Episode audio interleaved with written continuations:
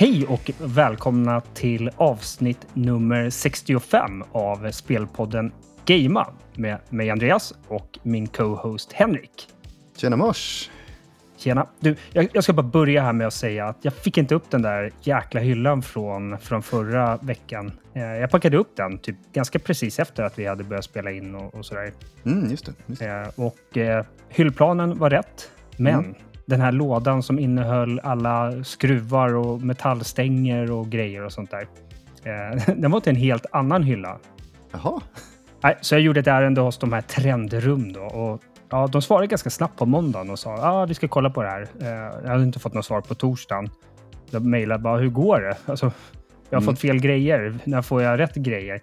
Och då svarar de någonting i stil med ja, vi har mejlat lagret men inte fått svar ännu. Jag bara, Var ligger lagret då? Taiwan eller? Jag, jag fattar inte heller. Vad fan, så, är, de, är de värre än Ikea? Alltså? Ja, Ikea är ju, äh, går ju bräschen för att vara bra skulle jag säga. Du kan ju komma ja. dit med vad som helst och de löser det. Typ. Ja, ja, men det är på plats det. Eh, jag vet inte hur kundservice är på Ikea. Det är så här, kanske likadant. Segt som fan. Nej, exakt. Ja, men nu idag, ren affekt, så mejlade de och sa okej, okay, om, ni, om ni inte kan lösa det här på en arbetsvecka, en sån simpel grej som att mm. ni har skickat fel grejer. Du hade en grej om, om det, jag kan inte komma på något exempel här riktigt på, eh, på direkten, men säg att det var något jättesuperkonstigt. Men, men om man skickar fel grejer, då är det väl bara att skicka om rätt grejer. Mm. Och inte lösa det på en arbetsvecka. När det är bara skruvar och allt sånt där och när det inte är någon träpanel eller skivor eller något sånt där. Nej. Vad, vad, vad de här trendrum förmodligen är ju någon form av glorifierad dropshipping. Att de, mm. de får en beställning och så skickar de den till eh, Taiwan eller eh, Bangladesh eller var det nu byggs där, den här hyllan. Och så, ja, det är därför det tar, ja, vad tog det, sex veckor att få Oj, grejerna. Ja. To be continued kanske? Ja, men så i ren affekt så mejlade jag dem och, och nu och sa ah, men då gör jag det enkelt för er. Istället för att reda ut det här så, så vill jag reklamera. Vart skickar jag tillbaka och hur får jag tillbaka pengarna? Ja. Och jag är helt övertygad om att det här kommer inte sluta väl det heller. Åh oh, nej. Vi får se. Men, men, en annan sak jag tänkte på. Jag sitter här lördag strax efter lunch. Mm. Vet du vad jul är för någonting? H-U-E-L. Ja, det är någon matersättning där? Eller? Ja, exakt. Ah, mm. Och eh, min chef hon fick mig att börja köpa de här... Uh, alltså för mig är jul, jag tänkte att det var som så här Nutrilett och så. Och jag har haft mm. jul förut, men då är det så här shake. Alltså att du har någon form av vanilj eller chokladpulver. Blandar mm. ner det i vatten och sen skakar du och sen ja, då har du måltidsersättning i, mm. i shakeform. Yes och jag kan inte köra de där liksom. Jag måste ha det här med tuggmotstånd och så. Eh, mm. Det, det, jag kan ta det kanske till frukost eller liknande där. Ja, jag vill bara få i mig näring. Jag har ändå ingen aptit då. Ja, Men till lunch och middag, då vill jag ju ha något mer riktigt. Så då har ju de här jul, de har ju börjat med, med riktiga eh, typ pastarätter. Fast mm. det är så här torr mat, säger man så?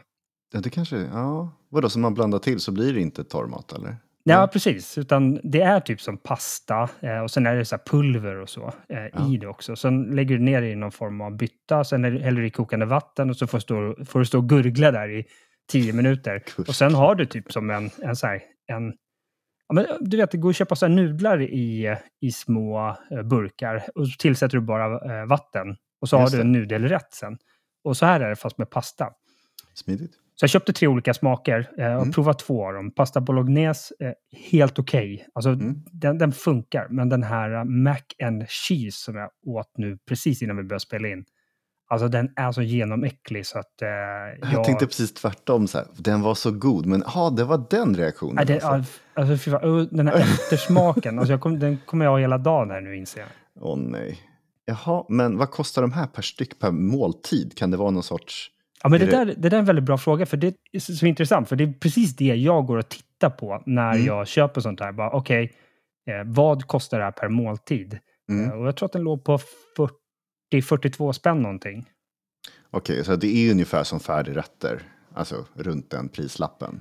När man ja, köper mikrobaserat om man säger. Jag köper ju inte sådana här Findus, eh, Nej, men man, Karins ja, lasagne och sånt där längre. Många, men... många på jobbet gör det och då, då hör man den prisklassen. Det är så här 40-50 spänn ibland. Ah, okay. Ja. Ja, men USPen med det här, the unique selling proposition, är ju att det är, eh, det är enkelt och det är eh, ganska kalorifattigt. Mm. Det ska vara typ 400 kalorier i en sån här portion då.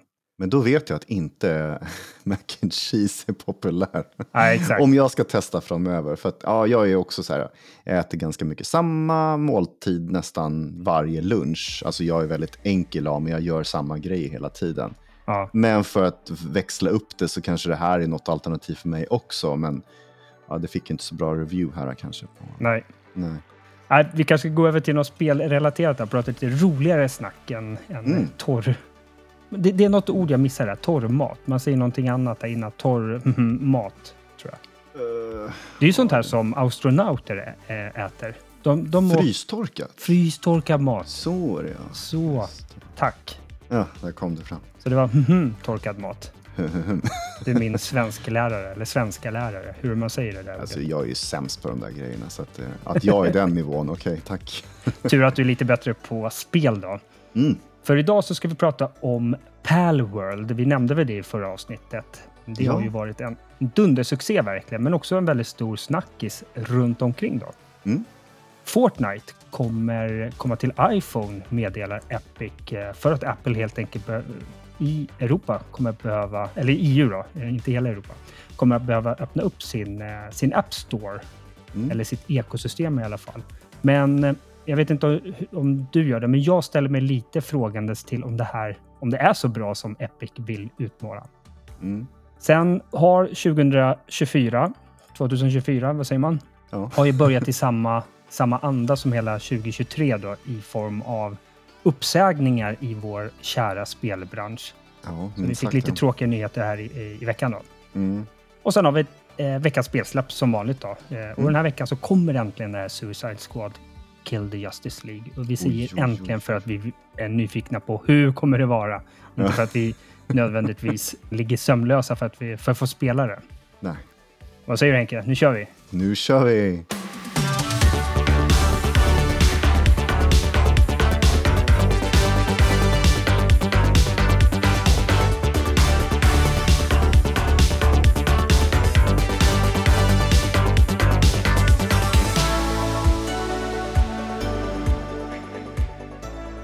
Yes, och om vi börjar med Palworld. Eh, Jag kan väl säga det, jag har spelat ungefär en timma eh, det här eh, survival-spelet, eller Pokémon with Guns, eller vad man nu ska kalla det då. Mm. Jag körde på min Sirius S, så det var ingen dundersuccé då kanske rent eh, prestandamässigt. Men jag drog även ner det till datorn så att jag fick lite mer, eh, lite mer kraft under huven. Då. Mm. Jag måste erkänna, här är en sak jag inte har saknat från att spela på dator och det är det här med inställningar. För Okej. jag kunde förstås inte dra upp det till super mega quality mode. Eh, det räckte inte mitt 4070-kort till utan att det hackade en bra bit under 60 fps. Då. Mm. Så då drar man ner inställningarna till lite lägre och säger ja, men jag tycker fortfarande så här, ja, nu hackar det lite, men ah, skulle jag inte kunna få lite snyggare där så här. Men ja, jag fastnar i någon form av eh, inställningshärke där för att försöka hitta den mest optimala. Mm. Men som sagt, jag spelar kanske max en timma, så jag har faktiskt inte så där jättemycket intryck själv eh, över det. Mm. Men däremot så har det ju varit en dundersuccé. Ett fenomen, minst sagt. Ja, vad, vad är de uppe i nu i antal sålda spel? Sist jag Alltså, läste det var det åtta. ja, si- Sist var åtta, ja precis. Och de har ju inte uppdaterat det på ett par dagar nu. Då, så att det kanske har saktat ner lite grann i sålda exemplar och sådär. Piken är nådd så att det går inte lika fort längre. Men eh, ja, jag förväntar mig att det här kommer ju sälja långt framöver i alla fall.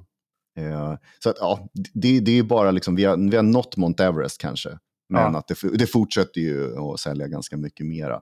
Men också de här olika versionerna. Det känns ju som att eh, folk föredrar ju Steam-versionen bara för att den är ett par versioner framåt i tiden om man säger. Det är den, den bästa versionen. Ja. Men Game Pass-versionen, både på, på liksom Series-konsolerna och på PC, då, Game Pass-versionen, är ju samma. Så den ligger lite efter, lite mindre prestanda liksom som eh, de optimerat där.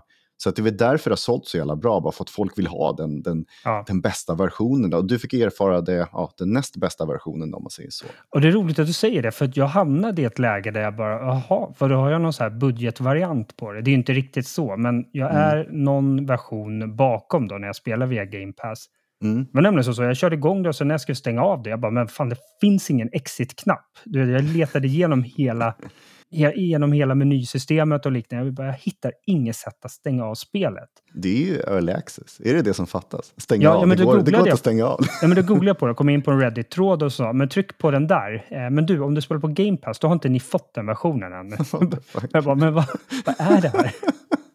Hur kan man glömma en så enkel grej? Ja. Ja, men det var så tydligt där att då, då spelar man en liten äldre version och då kände jag bara, ah, det, det kändes lite B på något sätt. Jag läste eh, anledningen också. Det var någonting med att Microsoft har ett eh, mer striktare så här, system för att godkänna uppdateringar och appar. Och det var någonting med licenser av musik. Och det var väldigt invecklat. Alltså det har ju alla konsoler i princip, att det tar ju längre tid att få ut uppdateringar på konsol än Ja. motsvarar PC då. eh, Eller Ja, men det här var ju Game Pass, på, Game Pass på PC som jag Ja, spelade. men det, det är samma versioner. Alltså, Game Pass är Game Pass. Liksom. Det är samma Ja. versioner de kommer släppa. Då, så. ja. Men jag tänker om du sitter och spelar på en PC, Mm. då tänker du inte, ja, men du ser att ja, men vissa spel startar via Steam, Mm. andra via Epic och andra via eh, Game Pass-appen. Mm. du tänker ju inte på att det är en, konsolkopia, liksom Game Pass. Nej, Men det är ju det, det är det du menar under huven. ja då. precis. Det är det som är grejen. Eh, De, kan inte, de är så liten studio så här, som de kan ju inte skapa så många versioner av hela spelet. Så de har liksom satt in båda versionerna på, på, på Game Pass. Det det är samma. Om man säger. Just det. Utöver att de har sålt 8 miljoner eh, exemplar, och kanske uppe i ännu mer nu då, Mm. i skrivande, släppande stund, Troligtvis. så har man ju slagit rekordet för antalet samtida spelare på Steam. Mm. Eh, och eh, de gick förbi Counter-Strike 2 och eh, har bara PubG framför sig nu i den här eh, high score-listan över antal samtida spelare. Ja. Som sagt, över 2 miljoner för Mm. Palworld. Jag vet inte vad det var på PubG, det är rekordet. 3,2 någonting. Åh, helskotta! Wow! Ja, det är ju en bit upp. Men ja, det var ju ett sånt där spel som var free to play. Eller det var betalspel och sen blev det free to play. Så det är lite så här, mm, hur ska man räkna? Det här är ju alltså för sådana som kostar. Alltså spel som kostar. Det är det, det, det, är det som är så häftigt också. Att, eh, de, de jämför ju inte med LOL och sådana där spel. För de, de kan ju dra iväg som fan. Ja, det. Eh, men, men det här är för spel som kostar pengar i princip. Så ligger de tvåa nu om man säger. Ja, Riktigt ballt. Jag har ju sett eh, peaksiffran hela tiden. Varje dygn så finns det ju en peak. Och den har ju närmat sig två miljoner. Sen har den legat nästan vid två miljoner hela tiden i ett par, tre dagar nu. ja, Eh, alltså det verkar ju inte sakta ner. Och nu är det helg när vi spelar in. Folk är lediga. Det kommer nog vara liksom den stora piken om man jämför med hur det var när vi släppte förra avsnittet. Då var det liksom, ja då sa jag 500 000. Ja det var ju bara första dygnet. Nu är Ja. det liksom, nu är det två miljoner. Nu kommer det passera två miljoner garanterat över den här helgen varje dag. Får Ja, vi se, alltså det, det är hemskt att se att det är så många som sitter och spelar det här spelet när det finns så mycket mer roligare spel tycker jag. För jag är lite negativ till det här spelet. Alltså jag är inte en eh, Palworld-fantast om man säger så. nej okej, nej. Eh, under den här veckan har jag nästan tröttnat på att det är så många som har spelat och många som har pratat om det. Och det har varit så otroligt mycket nyheter om det. Jag vet inte hur du tycker, men för mig är det här spelet det är så uttjatat. Jag, jag, jag vill inte säga det, men jag tycker inte om Pokémon-stilen och sånt där. Jag är inte uppväxt med det. Jag har inte spelat något Pokémon ever. Så för mig så känns det bara så här, nej, nej, nej.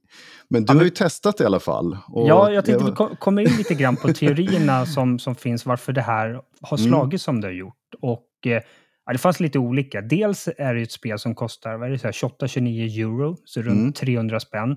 Yes. Men än så länge så är det helt fritt från något som helst med mikrotransaktioner och seasons pass och så vidare. Utan du får, ja nu är det early access då, så det är ju inte ett helt spel egentligen, så här, rent legalt heller, utan mer, mer kommer ju komma här framöver. Mm. Får vi se om det kommer mer med mikrotransaktioner och season pass och sånt sen då.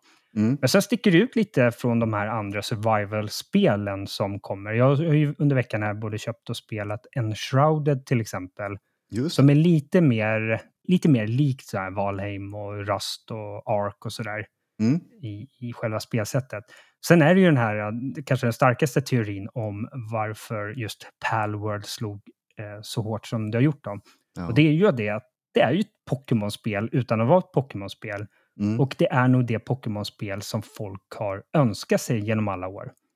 Kommer inte ja, jag ihåg vad det här heter, det som släpptes för, mm, var det ett år sedan? det är Arceus. Heter det så? Som Det kom med som var- både Violet och, och någon annan. Jaha, nej, färg. nej, nej, det här är ju eh, det som inte är Pokémon Company som gör, alltså Arceus.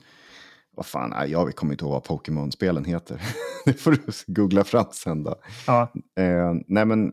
Det, det, Nej, men det det- senaste, det var ju så otroligt dåligt tekniskt. Ja, och det är det som är grejen, att Pokémon-spel har ju varit väldigt så här, vissa har varit jättebra och hypade genom liksom, ja, generationer tillbaka och sen så sista spelen har varit väldigt så här, det fattas så mycket, folk är så missnöjda och det är kanske begränsningar på hårdvaran och liksom, det kan inte leverera på det sättet det vill. Och så kommer det här och bara lånar in från massa survival-spel och nästan lite Zelda-variant och lite Fortnite och, och, så, och så såklart Pokémon-aspekten där med att samla grejer. Och det är det här med samlandet som jag tror tar in ganska många i det här igen, att det är en lite generationsfråga. Så här, alla tycker om att samla på olika sätt, då, men att skapa arméer, kanske samla liksom, hjälpredor i sina basecamps liksom, och så. Det, det är så mycket spel som liksom samlas i den här äh, grytan och bara kokar ihop till något så här supermega-intresse för vissa människor. Jag, vet, inte, jag har inte sett sånt här fenomen på jätte- jättelänge. Det var liksom när Minecraft började, att alla bara hoppade på den också. Men det här, det är nog helt annorlunda. Jag brukar inte se att ett så här litet liksom, spelutvecklare får en sån boost så snabbt. Liksom. Det. Eh, Valheim var ju också ett sånt, men det här är mera lättillgängligt, lite mera easy gameplay på något sätt. Då. Ehm, jag vet inte, det, det är ett fenomen som är roligt att se att det händer och just att de får så mycket kritik av, ja, kanske Pokémon-fantaster att säga, ah, nej men eh, ni har bara snott allting, ni har kopierat våra, våra kära Pokémons och så. Ja, visst, det kanske känns så, men att de ändå vågade ta steget och låna från de bästa spelen runt omkring på marknaden som, som är hypade, om man säger, genom generationer tillbaka. Och så bryta ut det och göra det här spelet. Det får ju ändå liksom fatta att det finns så mycket pengar att tjäna på saker om man bara vågar ta steget. Eh, de kommer nog kanske få lite problem framöver, vi vet inte. Vi har ju Nej, lite andra så att- saker att prata om. Ja, jag tänkte på det. Att de vågar göra det. För vi kommer lite, lite osökt in på just eh, eh, kritiken som har eh, varit mot det här spelet. Du Mm. har ju, du har ju eh, dryftat lite kritik här, men det är ju mest för att du är så jäkla trött på att det är det som dominerar på Twitch och så vidare. ja, jo, Och att du är gärna hade sett kanske lite mer riktiga spel eller vad man ska säga. ja, jo. Men du var inne på det. Eh, Mm. Det, det här spelet framförallt eh, har anklagats för, Palworld alltså, det är ju att det är ett eh, mer eller mindre plagiat på Pokémon. Mm. Att det är lite för likt Pokémon helt enkelt för att eh, det ska kännas OK. Framförallt bland puritanerna på Pokémon-sidan. Mm. Fan vad roligt. Min gamla kollega, jag sitter vid min, vid vid min dator här nu, nu när vi spelar in och jag har ju ställt in att jag inte vill ha några notiser. Men den Mm. stänger ju, det är ju Mac jag sitter vid, så den stänger ju av alla systemdriva notiser. Det. Däremot här och nu så skickade Steam mig en notis här om att min eh, gamla kollega på ett tidigare jobb precis hade startat ett spel. och vilket spel tror du att han startade? Ja, det är Palworld såklart. Ja. Exakt. Fan vad nej. roligt. Mm. Yes. Nej, men det, det, det är väldigt eh, beskyllt för att vara plagiat. Och eh, jag lyssnar ju på en del olika podcasts. Bland annat en som heter Punching Up. Eh, det är en Nintendo-podcast. Mm. Och då säger en av programledarna, Digen, jag lyssnar på det här nu i förmiddags faktiskt. Och Mm. Det som är lite speciellt är ju att han, är, eh, han jobbar som karaktärsdesigner i an- animerade filmer. Jaha. Så han har ju vunnit en sån här Emmy och liknande för, för någonting han har gjort. Så att, eh, det är ganska kul att, att höra honom prata eh, om just de här ämnena. Och till exempel så, ja, man, man förstår ju att han som, som digital artist, han är lite tveksam till det här spelet och den vägen har man gått då. Mm. Eh, Men han säger det att eh, om han bryter ut de här lite till beståndsdelar så skulle han säga att det här, det här skulle kunna misstas som ett, eh, en, en slags beta för ett kommande Pokémon-spel. Att Mm. det är så pass likt. Sen gick han igenom väldigt mycket. Han bröt ner liksom, okej, men vad är det som är likt? Och ja, men då bröt han ner liksom, ja, men de här halvstängda ögonen som är så typiska för, för Pokémon-karaktärer. Det har de här också. Eh, de har de här spikiga manarna. Vet du vad jag menar? Liksom, ett lejon har så här, det är ingen så mjuk följsam man, utan det är verkligen så här dunk, dunk, dunk. Det bara står ut åt alla håll och kanter. Och samma sak med frisyrer. Men sen har du också liksom färgval och utformning, det är lite runda på karaktärer och sådär.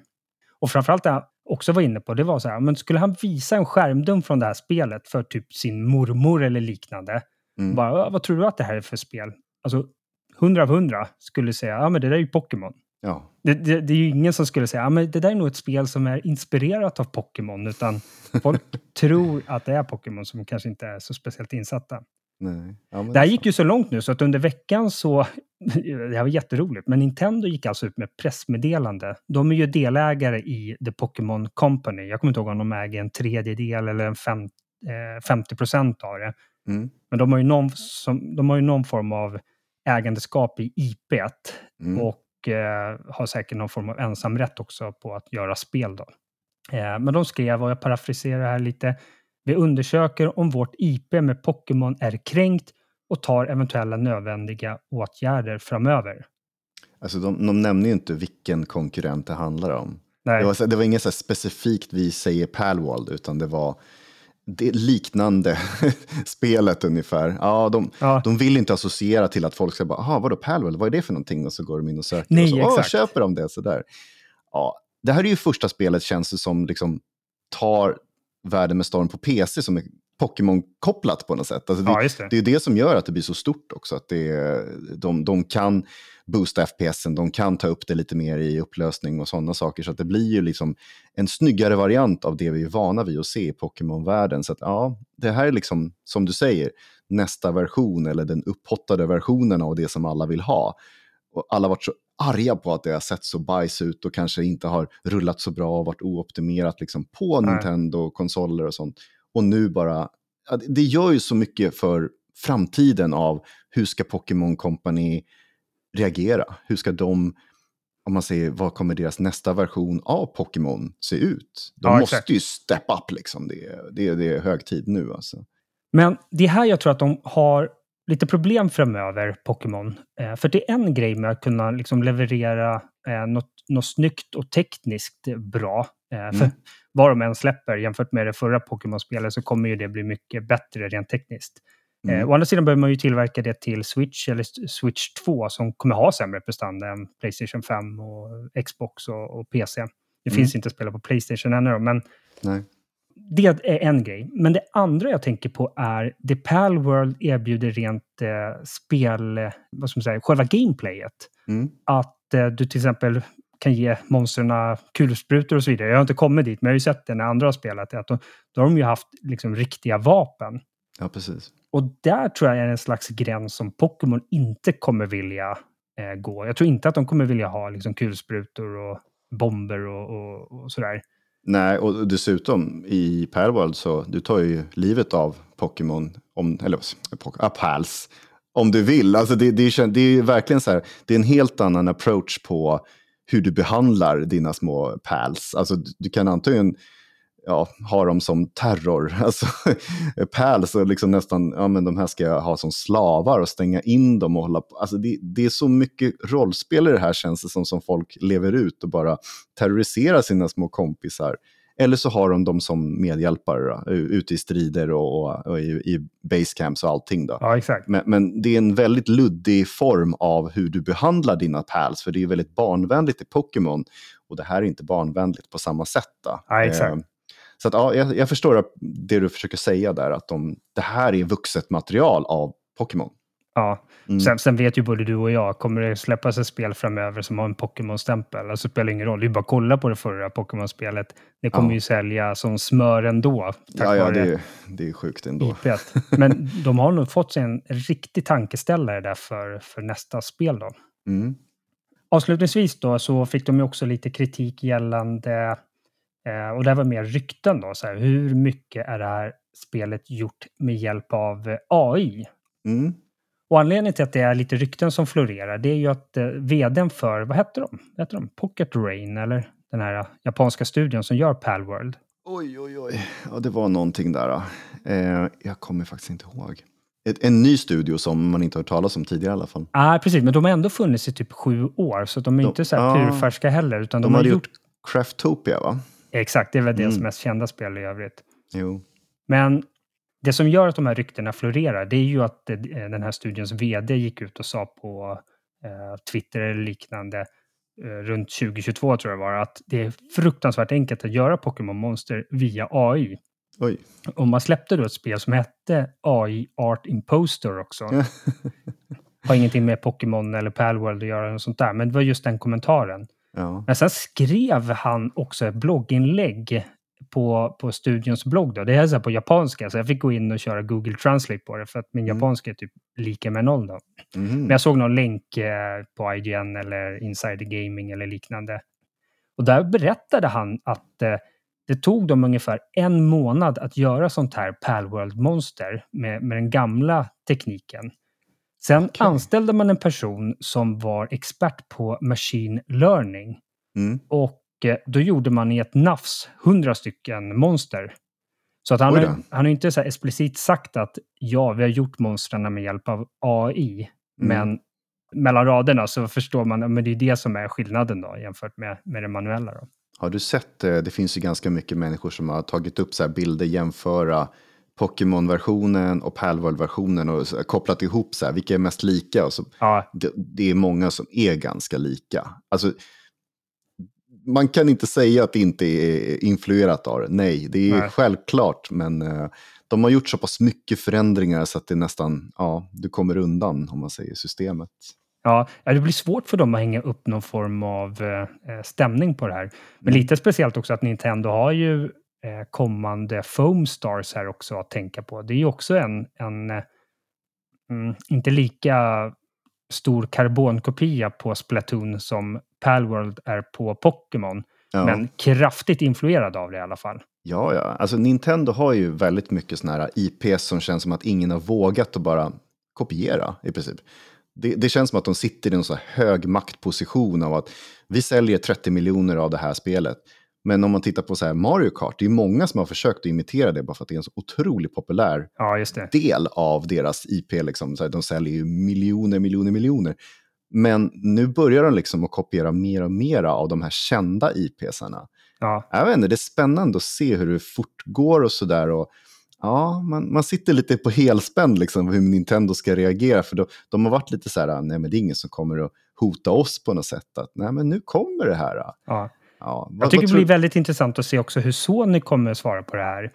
Ja. För Sony jobbar ju inte med early access, vilket har gjort att det här spelet inte finns eh, på, mm. på Playstation just nu. Utan det är väl någonting man siktar på till version 1.0 då antar jag.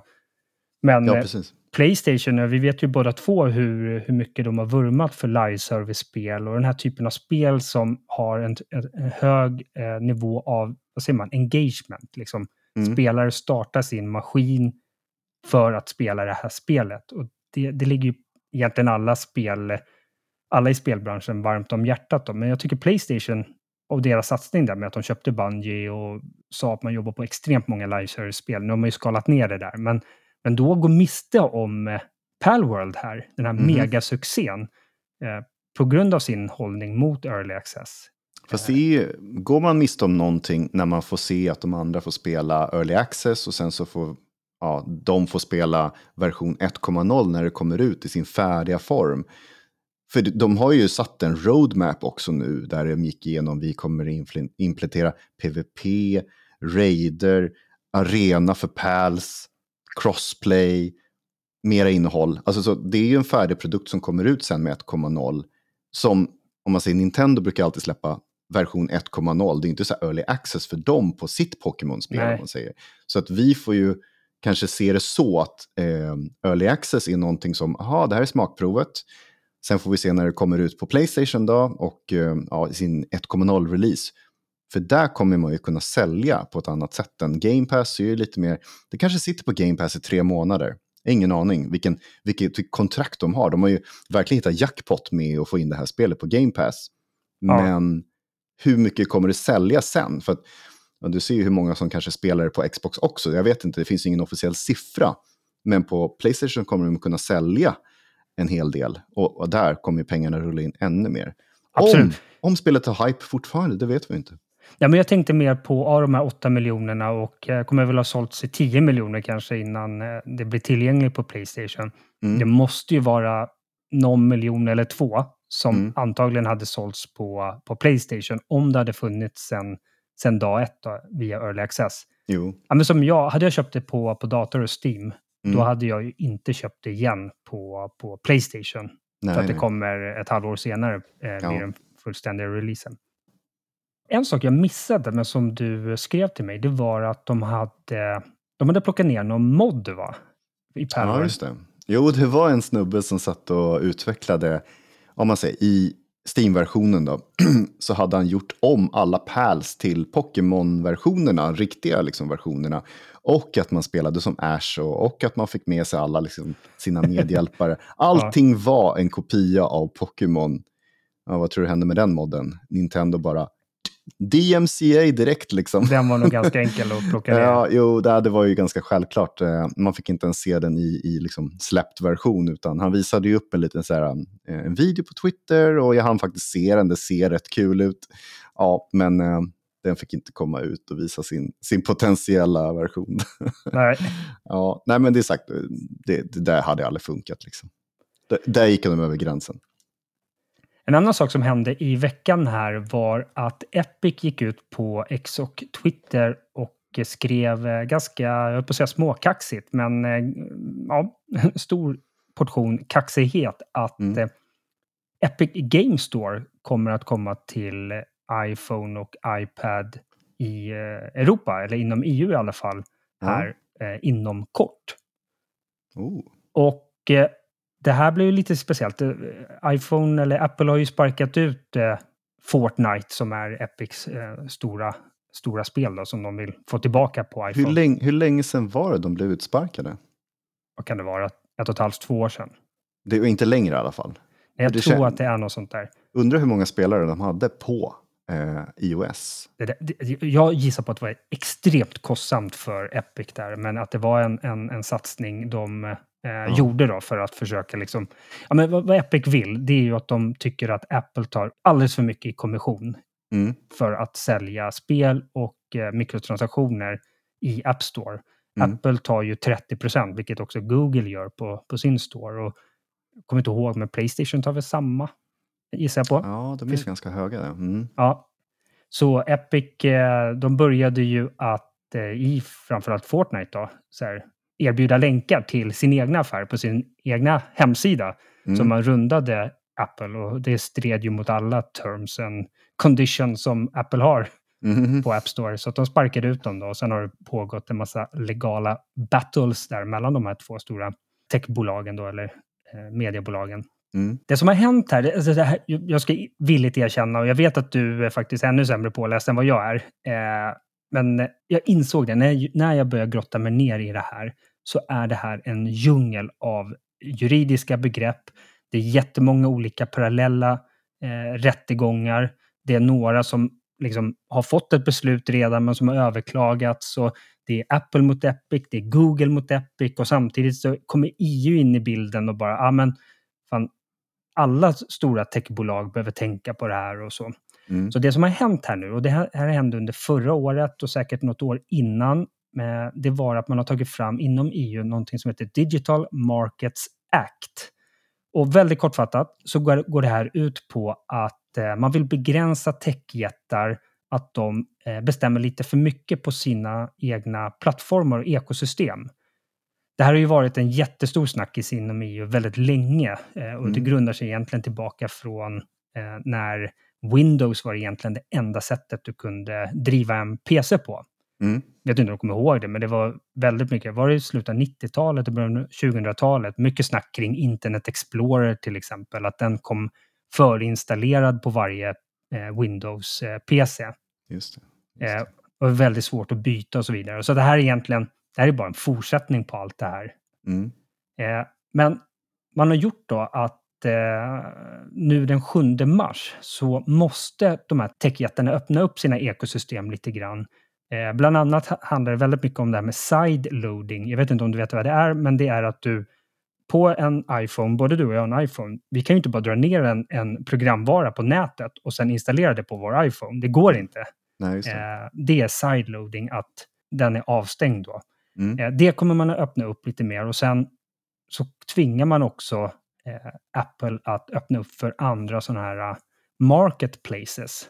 Eh, Mm. vilket är så App Store, Google Play och så vidare. Och det är där Epic hävdar då bara yes, nu kan vi lansera Epic Game Store även på, på iPhone här utan att eh, Apple kan säga någonting.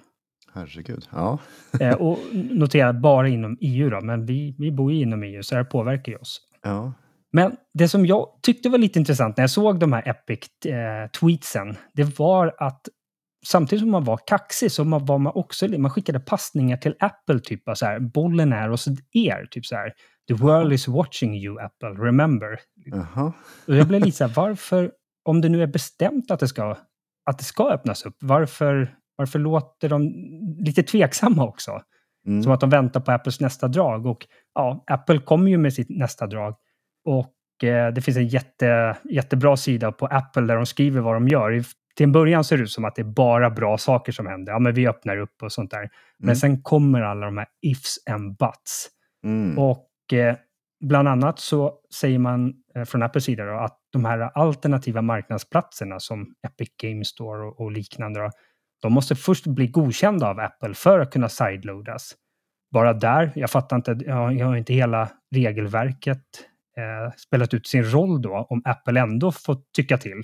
Ja. Eh, och sen säger man att alla appar och spel i de här eh, marketplacesen, de måste bli godkända eller notarized av eh, Apple. Vilket innebär att de, de kommer ändå där med sitt censurfilter och, och, och, och liknande och Mm. bestämmer liksom vad som får, får spelas och inte spelas på, på en iPhone. Då. Mm. Och sen om man väljer då som apptillverkare, säg att du och jag gör en kalenderapp till exempel, Mm. Eh, och eh, vi vill att eh, den ska kunna säljas och distribueras via de här alternativa marknadsplatserna. Då måste man godkänna Apples nya business terms. Och vad det innebär egentligen, det är att vi måste fortfarande betala pengar till Apple. Vi, vi kan inte komma ifrån att de fortfarande ska ha en del av kakan, Mm. även om vi använder till exempel Epic Game Store för att eh, skicka, ja, varför vi skulle lansera vår kalenderapp där, men ja, du fattar konceptet. Yes. Och gör man inte det här, då är app, kommer våra iPhones, de kommer vara så här, så fort vi försöker starta en app eller ladda ner en app och liknande som inte är nedladdad från antingen officiella App Store eller en sån här godkänd eh, alternativ App Store, då kommer det komma upp massa varningar som säger det här är osäkert. Bla, du vet, det kommer vara så här skitirriterande pop-ups som kommer så här, störa, eh, förstöra upplevelsen hela tiden. Okej, ja. Och sen om de här apparna blir väldigt populära så kommer det från och med eh, den miljonte nedladdningen så kommer du att behöva betala en Core Technology Fee som är på 50 cent, det vill säga lite drygt 5 kronor, för varje eh, första nedladdning av den här appen. Och det här är ju, vi pratade om för några månader sedan eh, om Unity som, som införde det här och vilket ramaskri det blev bland Mm. speltillverkare. ja, verkligen. Ja. Och sen liksom avslutningsvis så kommer Apple, eh, de kommer kräva att man får insyn i företags eh, ekonomisystem eller böcker brukar man kalla det, för att se att vi inte säljer 500 000 exemplar av, ett, av en app eller ett spel, men bara redovisar 50 000 till Apple. Mm. Eh, Så att de kräver en massa insyn där. Och man gör tydligen det här redan i Nederländerna. Det var lite intressant, för det har redan skett i, i delar av Europa. Eh, Det är några så här datingappar som Tinder och liknande. De har fått godkänt i Nederländerna att de får ta betalt via alternativa betallösningar än App Store.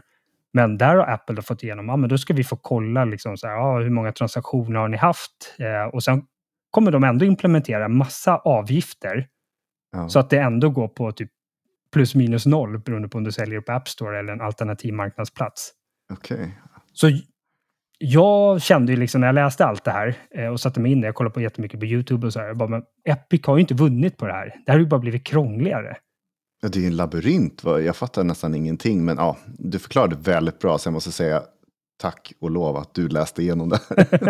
ja, jag känner mig lite dum som sa att du, att du är sämre insatt än mig. Men vi sa faktiskt här innan, du, du bara, fan Andreas, det där kan inte jag speciellt mycket om. Så du, du är ju redan erkänt. Ja, nej, men det är jätteintressant, liksom, hela konceptet av att det öppnar upp sig på något sätt. Det kan ju vara liksom första porten bara.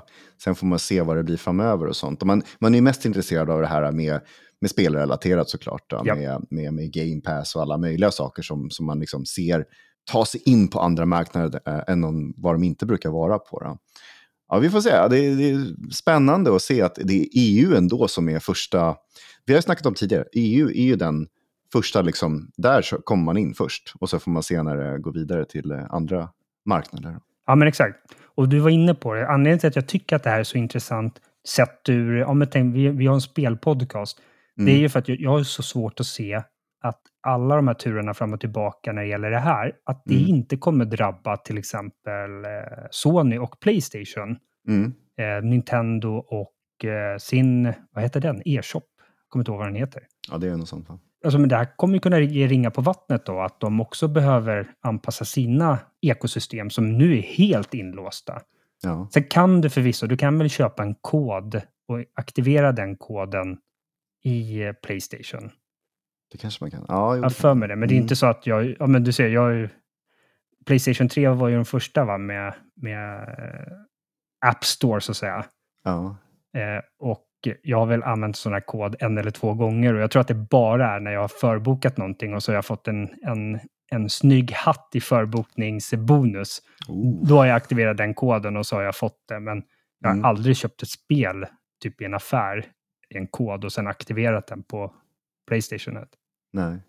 Ja, men så jätteintressant. Ja. Och här måste jag erkänna, Mr Cup-vändare som jag är, jag vacklar lite fram och tillbaka. Jag kommer ihåg när Epic stämde Apple. Jag var verkligen så här, jag är inte jättefantast av Fortnite och det konceptet liksom med mm. ganska hårt aggressivt där med season pass och eh, grabben har ju börjat spela lite Fortnite och nu har ju det här börjat. Pappa, pappa, jag vill ha den där hatten, jag vill ha det här skinnet och så där. Så jag är ju inte jättefantast av Epic eh, på den delen. Men andra delar av Epic, som till exempel Game Store, där de, liksom, ja, de försöker ju konkurrera väldigt mycket med Steam till exempel. Mm. Eh, och det gör man genom att sänka just kommissionen. De har ju mellan 0 till 12 procents avgift mot speltillverkarna för att mm. sälja spel via Epic. Medan motsvarande på Steam ligger på 25-30 även där. Då. Jo. Men jag var, jag var typ lite så här, lite Apple-fanboy kanske när, när de här turerna började för, ja, men så för två år sedan. Mm. Men nu när jag ser, alltså jag, jag, är ju verkligen, även om jag har Mac, Apple, iPad, Apple TV och, och nästan hela rubbet där liksom, så jag skulle inte klassa mig som Apple-fanboy, utan det är mer att jag tycker det är väldigt smidigt att ha ett och samma ekosystem. Mm. Men när jag ser när de inför alla de här jävla tarifferna och kraven fram och tillbaka, och det, jag inser det som stör mig är att de får att låta som att det inte är pengarna som är problemet de pratar om att det är säkerhet och det är så här, minska risken spridning av virus och deras eh, användare, det vill säga du och jag, vi ska vara säkra och så vidare. Mm. När det i själva verket handlar om att de, eh, de försvarar sina intäkter. Men, men de erkänner ju inte det. Det, det stör mig som fan. Ja, ja. Nej, vi kan ju se igenom allting. Det, det, är klart att det handlar om pengar i slutändan. Det gör det ju. Ja. Men uh, hur mycket? Mm, vi kan inte vi kan inte fatta hur mycket pengar det här handlar om tror jag. Nej, Nej jag, sa, jag tror det var i förra avsnittet eller något där innan så sa jag att Apple är ju i första hand ett hårdvaruföretag. Men mm. ja, man, man tjänar extremt mycket pengar på hårdvara. Men olika services som till exempel App Store, Apple TV Plus och Apple Music och så vidare. Mm. Det är ju där de liksom har en ganska stor tillväxt på. Och, ja, som du är inne på, App Store. Det är hur mycket pengar som helst de eh, tjänar där. Mm. Lite intressant är att de har sparkat ut Fortnite som de säkert hade tjänat en himla massa pengar på. Mm. Eh, så att, ja, vi får se. Nu är mm. varken du eller jag Fortnite-spelare och allra minst Fortnite på mobil. ja, det finns nog en hel del som spelar det också. Så att, eh, mm. ja. Lite på samma tema när det gäller pengar och så inom spelbranschen så fick vi tyvärr en del uppsägningar eh, inom vår bransch eh, här mm. under veckan. Då. Jag tror att när man räknar ihop allt som allt så var det ungefär 5 000 anställda inom spelbranschen som, som förlorade sitt jobb den här veckan. Ja, mycket, mycket. Nej, under de här veckorna, första veckorna på året, så var det. Just det, så var det. Mm. Men det var en jättestor post eh, redan den här veckan, då, eller under den här veckan, och det var ju Microsoft som släppte bomben nästan, att 1900 personer, eh, Ja. motsvarar runt 10 procent va? Ja, åtta var det väl någonstans. Åtta procent tror jag. Ja, okej. Men, men ja, det är en jävla massa. De är ju så många, de är typ så här 22 000 eller något sånt där i grunden. Så Ja. det är jättemycket människor som blir av med jobbet. Och visst, vi, vi, vi förutsåg ju att det här skulle hända, vilket många andra gjorde också när de köpte upp Activision Blizzard. Så att, eh, ja, det, det, det skulle till, men inte så här många. Det var verkligen för många för att liksom ignorera det på något sätt. Ja, just det. Och det var 1900 hos Xbox, Blizzard och eh, Zenimax, alltså de som äger Bethesda. Då. Och nu Mm. ägs ju alla de här av Microsoft. Just Så det var, det var ju eh, sett över hela deras liksom, speldivision. Då. Ja, Det vi framförallt fick se en påverkan på, det var ju att Blizzards, eh, faktiskt ej namngivna, men de hade något kodnamn där på Odyssey. Mm. Eh, ett survival-spel som har varit under utveckling under sex år. Sjukt. Eh, de stängs ner och där, alltså en flod av inlägg på, på min eh, Twitter från utvecklare som sa, ja tyvärr, jag är drabbad.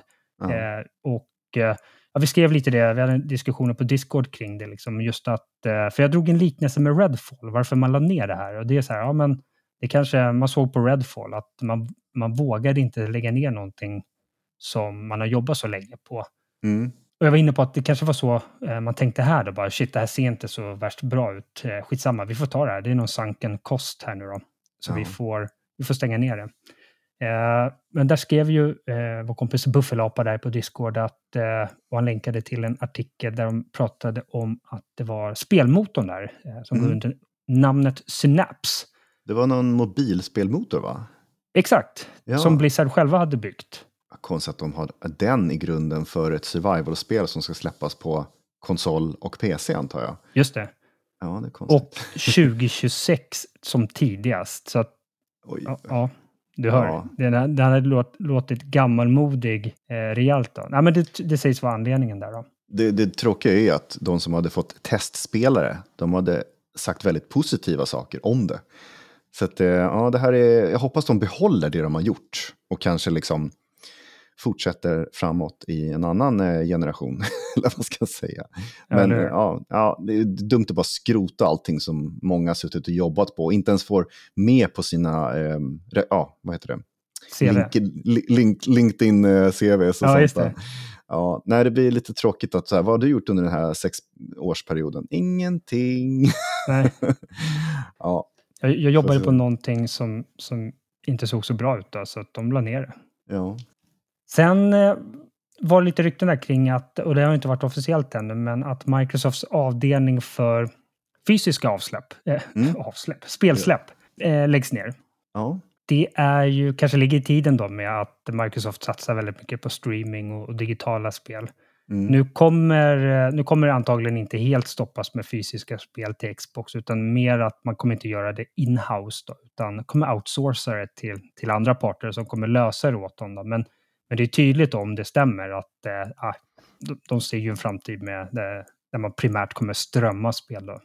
ja, precis. Vi kan, vi kan väl anta att de kommer släppa de här uh, premium editions, de här collectors edition, uh, kommer vara liksom, uh, outsourcat, liksom, så att man får ändå ett, ett tillfälle att köpa spelet, men uh, det kanske inte kommer vara i samma kvalitet som om Xbox själva hade suttit och utvecklat just den fysiska releasen. Eh, ja, vi får se. Det är, det är lite tråkigt att se att det blir så här, men troligtvis så drar de inte av, om man säger plåstret som du har skrivit, för fort heller. Det kommer ju släppas framöver, men på ett helt lite minimalistiskt sätt. Då. Eh, De säljer väl inte så mycket på Xbox när Game Pass är deras största om man säger dragningskraft. Då. Så att, ehm, ja, de vill väl liksom hjälpa till att få in mera till Game Pass, eller? Antagligen, ja men det, Mm. det så tror jag säkert. Eh, Riot, det är väl de som är bakom League of Legends va? Mm, ja. Eh, de gör sig av med 530 personer. Jag har inte satt mig in riktigt där, men jag såg någon, något, något citat där från någon i ledningen där att, eh, ja, bara så ni vet, vi gör inte det här för att glädja aktieägarna, liksom, utan bara, bara det i sig låter jättedumt. Det är klart att som ett aktiebolag så, så är, de har de påtryckningar från investerarna. Då. Men, men det de sa var att eh, det här, eh, vi gör det inte för att glädja dem, utan vi gör det här. Det är en nödvändighet för att, för att vi ska överleva framöver.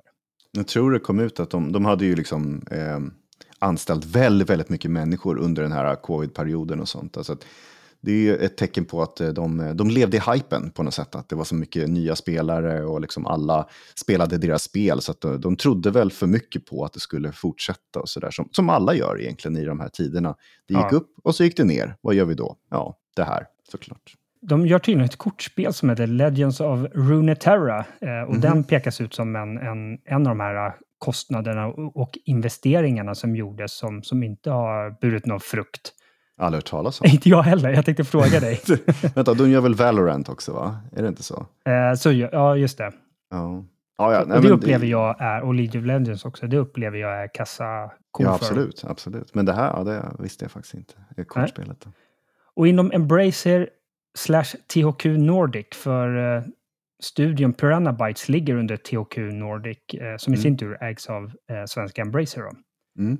Det har varit lite turer fram och tillbaka huruvida de ska stänga ner eller inte. Men eh, där skrev de också ut på, på Twitter, eller X, jag lär mig aldrig vad jag ska säga där riktigt. Men mm. då skrev de ett lite kryptiskt meddelande där de säger att ja, men vi kämpar vidare. Men det känns ju som att eh, ja, Embracer har knoppat av dem eh, och att de letar med ljus och lykta efter en utgivare för nästa spel. Vilket mm. många tror är LX3. Jag har inte spelat varken LX1 eller 2. Det är, så, det är sådana spel som som kommer förbi när jag scrollar i eh, Playstation Store. Men...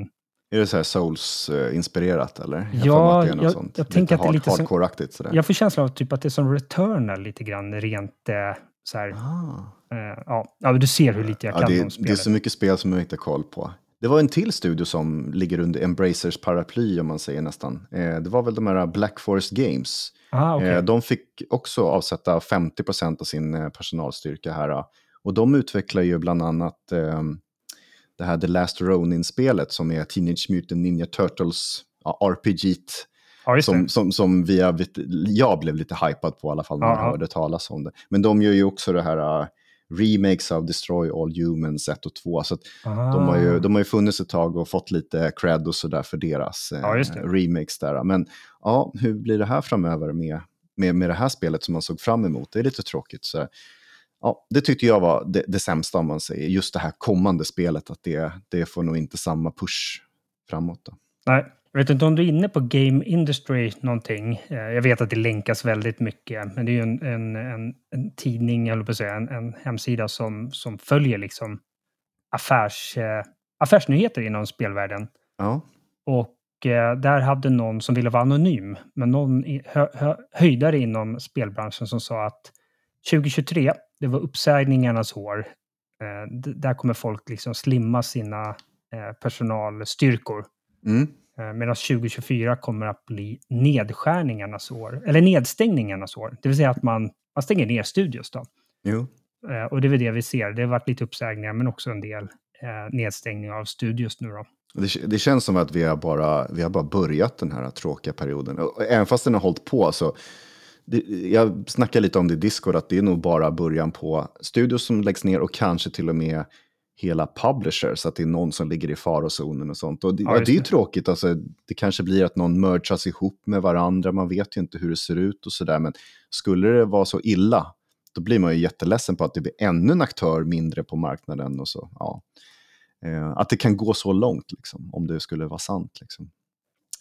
Den här anonyma källan, alltså hans tes mm. till att det är som det är, det är att eh, det var alldeles för många spel som fick okej okay att börja utvecklas eh, under pandeminåren 2020, 2021 mm. eh, och att eh, det helt plötsligt är overcrowded nu på, på marknaden med, med spel. Och, ja, det räcker liksom inte till med spelare för att eh, de här spelen ska gå runt helt enkelt. Mm. Ja, precis. Ja, tråkigt och vi får se nu. Vi hoppas att det är på något sätt att det, eh, att det slimmas nu och eh, att det är en mer välmående bransch.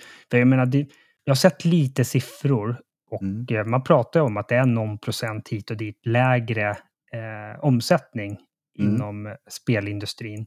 Men jag menar, det är fortfarande hiskligt mycket pengar oh ja. som, som finns. Men det är väl det att de de eh, koncentreras väl till vissa olika spel och studios och plattformar. Och att det kanske skulle må bra av att det eh, spred ut sig lite grann bland mm. olika utgivare. Ja, exakt. Lite roliga nyheter är att eh, det ryktas här nu om att vi snart ska kommer få eh, State of Play från Sony och eh, Nintendo Direct här då, från, ah, håll i dig, Nintendo. Ooh, yes. Och det finns ju inga officiella eh, uppgifter alls på det här, men om vi tar State of Play så var det ju det senaste, det var den 14 september. Mm. Eh, och jag var tvungen att gå tillbaka lite grann och titta på dem. Då var huvudnumret, det var ju att vi skulle få ett releasedatum för Final Fantasy 7 Rebirth här nu som, som kommer om någon månad. Just det. Eh, och den här State of Play, den ryktas komma nu första eller andra veckan i februari, så det är ju ganska snart om, om det här stämmer. Mm.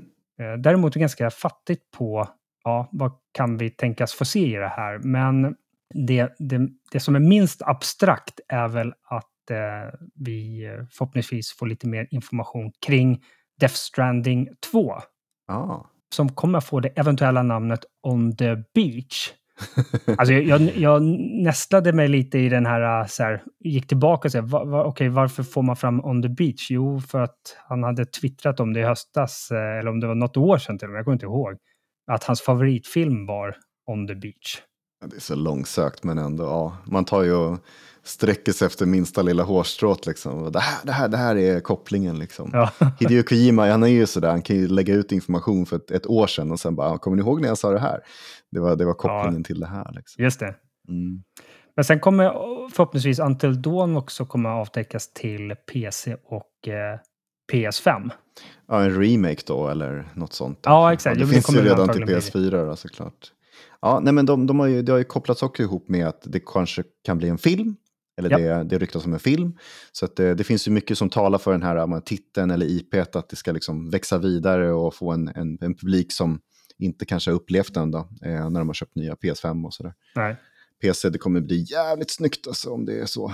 Jag kommer ihåg de här gamla skådespelarna som var med. Det var ju riktigt eh, fina stjärnskott om man säger som var med där. Och, eh, man, man, får inte se dem i, i, en ny version om man säger framöver. Men eh, vem ska spela rollerna i, i filmen eller liksom i, i den versionen? Har ingen aning. Det, det kommer bli kul att se i alla fall. Jag, jag hoppas personligen kanske få se lite mer från Marathon. Det vore kul. Ja, och kanske ja, lite tack. mer från Fair Games. Ja, precis. Ja, det, det, känns ju som att vi, vi vet inte, det kan vara nästan vad som helst. Alltså, vad ska de spara till The Showcase som troligtvis kanske kommer senare i år. Ja. Men de här uh, State of Play, de brukar ju inte vara så här uh, för mycket alltså, egna första party, utan det brukar vara mycket tredje part och liksom boosta upp deras namn. Och sen så de här first party, de brukar inte vara så många, kanske en eller två ibland. Eh, och så sparar de resten till så här showcase där det verkligen så här, nu är det vi som visar upp eh, vad vi ska komma med. Då. Ja, spännande i alla fall, för Play Playstation har ju haft lite svårt med att ge ut information. Jag vet inte om de sitter i någon sorts limbo.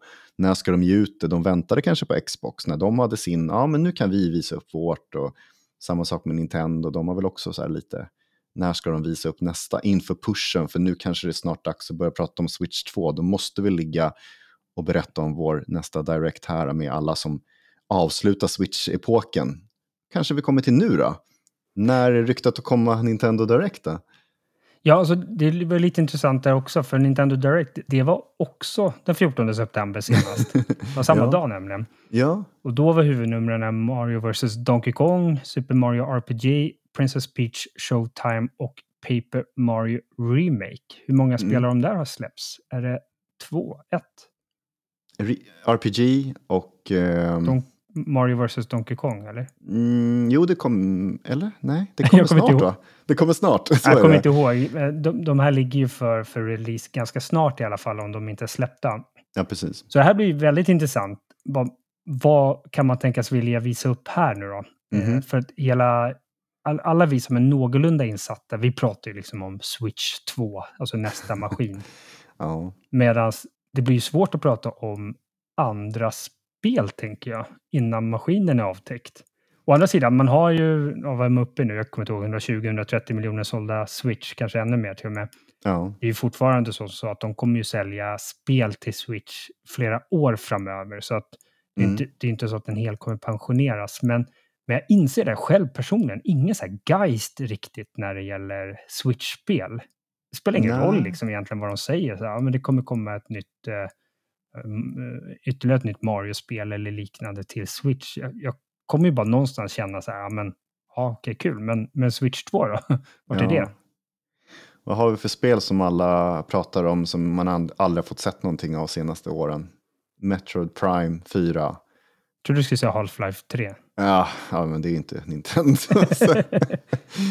Nej, men det, alltså det, det finns ju sådana här mys- mystiska spel som liksom alla vill höra någonting om. Men det är nästan som att man vill att det ska släppas till Switch 2 då, eller Super Switch eller vad det heter. Ja, visst. Eh, man vill inte ha det på den här gamla plattformen som, som kanske inte kan leverera mer än 30 FPS, man vet inte. Liksom. Men, eh, Nej. ja, det ska bli spännande att se. Jag hoppas de kommer ut snart, de här State of Play och Nintendo Direct i alla fall. Mm, ja, det vore kul att få lite nyheter där då. Mm. Xbox på sin sida då. Eh, de har ju haft de här, jag kommer inte riktigt ihåg vad de heter, men det är någon så här ID at Xbox-fest eller liknande. De Just har det. haft lite så här omgångar där de egentligen, det de gör är att de promotar indiespel.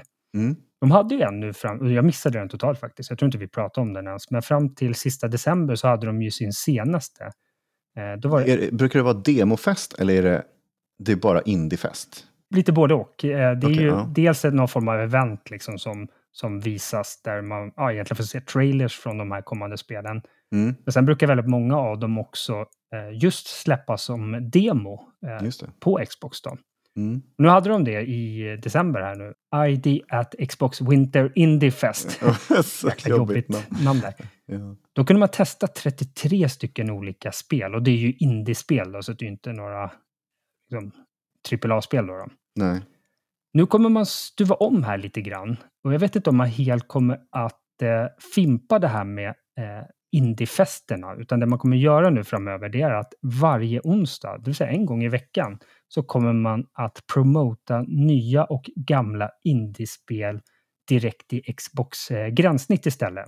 Mhm. Eh, och man kommer ha två sådana här feeds eller kanaler om ett tips. Och det ena är så Future Indies eh, och då är det nya indiespel.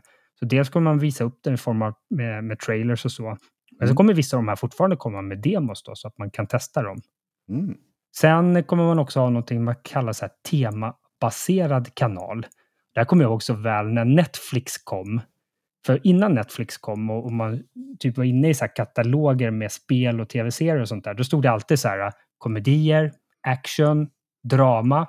Medan när Netflix kom, då kom de med så här komedier, en regnig söndag eftermiddag. Eh, Så att Oh de, det är att de, de hade mer metataggar på, på sina filmer Ja, och det. serier. Vilket Mm. gjorde att de- de började med sådana kategorier. Och exakt det här kommer Xbox göra nu. Då. Så att det kommer vara vara mer så här, games to play with your cat, games Okej. that need a laugh track, eh, eller games for evil villains.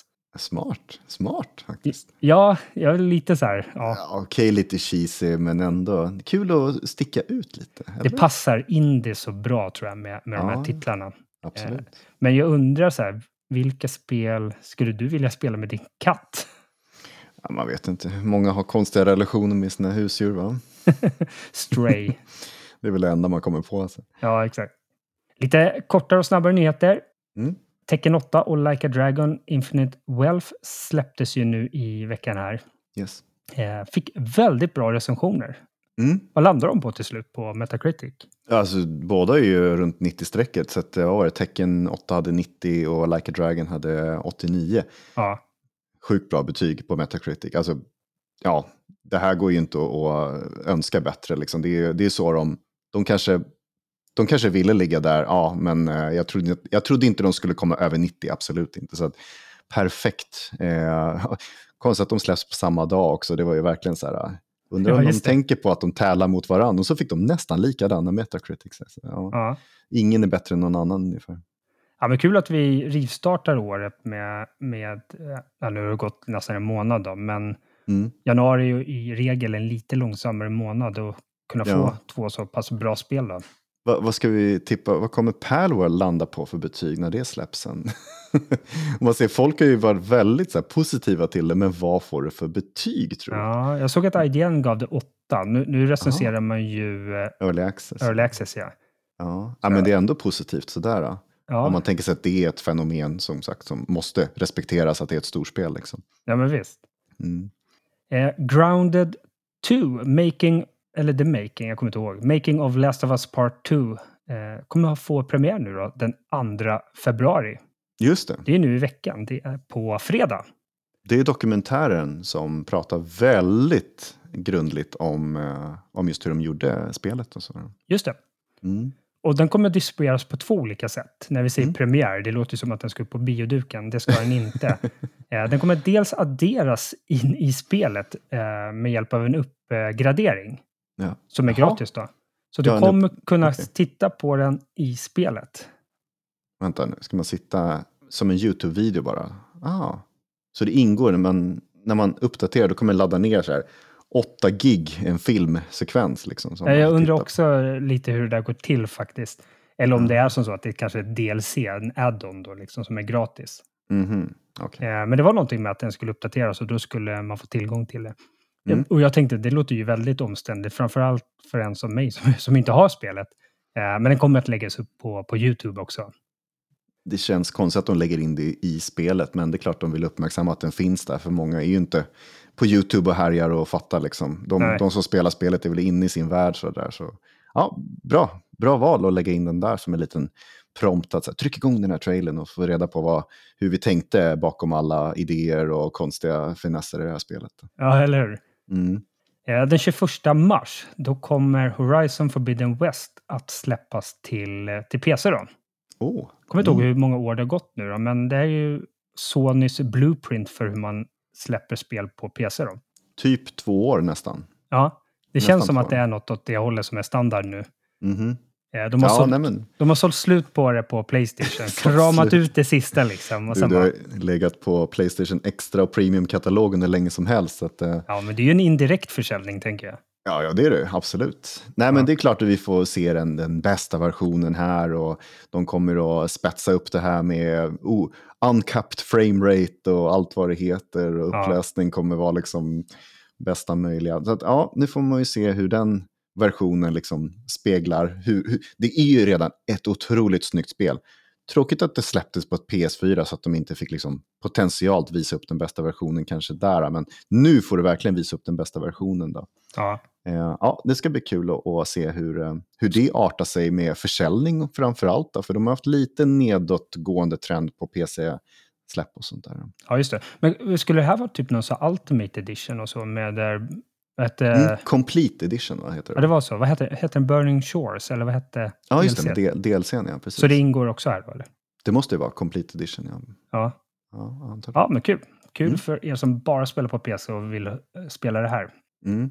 Jag är, jag är nära på att starta det på Playstation. Kort fråga. Eh, Jag som inte har spelat, jag, jag spelade ju det första, Zero Dawn, men, Mm. inte, men inte klart det.